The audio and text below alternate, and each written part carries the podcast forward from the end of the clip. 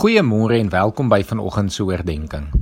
Ons het gister gehoor hoe die sondeval die storie van die Bybel dramaties in 'n rigting van so te sê wanhoop gestuur het. Ons sien hoe die mensdom net agteruit gaan tot op 'n punt dat God sê dit kan nie meer so aangaan nie. Ons lees in Genesis 6 vers 1 toe die Here sien hoe groot die verdorwenheid van die mens op aarde is en dat hy sy lewe lank net slegte dinge bedink was die Here bedroef daaroor dat hy die mens op die aarde gemaak het. Dit het hom diep getref.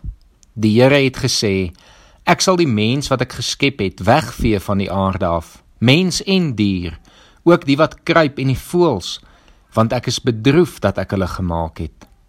Die sondeval verander alles. Want waar ons Genesis 1 gelees het dat God alles goed gemaak het, lees ons nou dat God bedroef is oor sy skepping.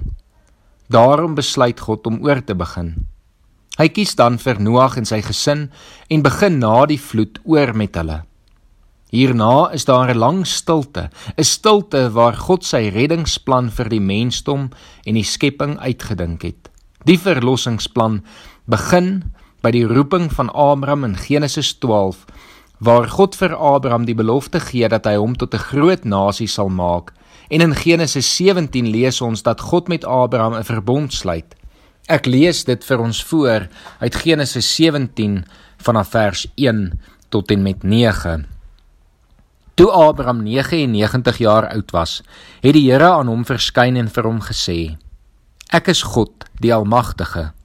Lewe naby my en wees opreg. Ek sal my verbond met jou sluit en baie baie mense uit jou laat voortkom. Abraham het op sy knieë geval en toe sê God vir hom: Dit is my verbond met jou. Jy sal die vader wees van 'n menigte nasies.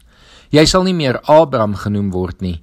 Jou naam sal Abraham wees, want ek maak jou die vader van baie nasies. Ek sal jou baie vrugbaar maak. Ek sal jou tot nasies maak en konings sal uit jou voortkom. Ek bring 'n verbond tot stand tussen my en jou en jou nageslag en al hulle geslagte. Dit is 'n blywende verbond. Ek sal jou God wees en ook die God van jou nageslag. Dit is met hierdie verbond tussen God en Abraham waar God se verlossingsplan begin. Dit is hier waar God die belofte gee: Ek sal jou God wees en ook die God van jou nageslag.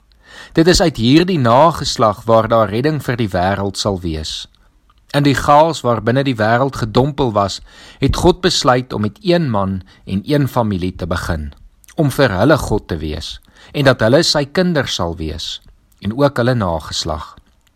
Hulle word 'n hele nasie, Israel. Israel wat 'n voorbeeld moes wees vir die ander volke rondom hulle.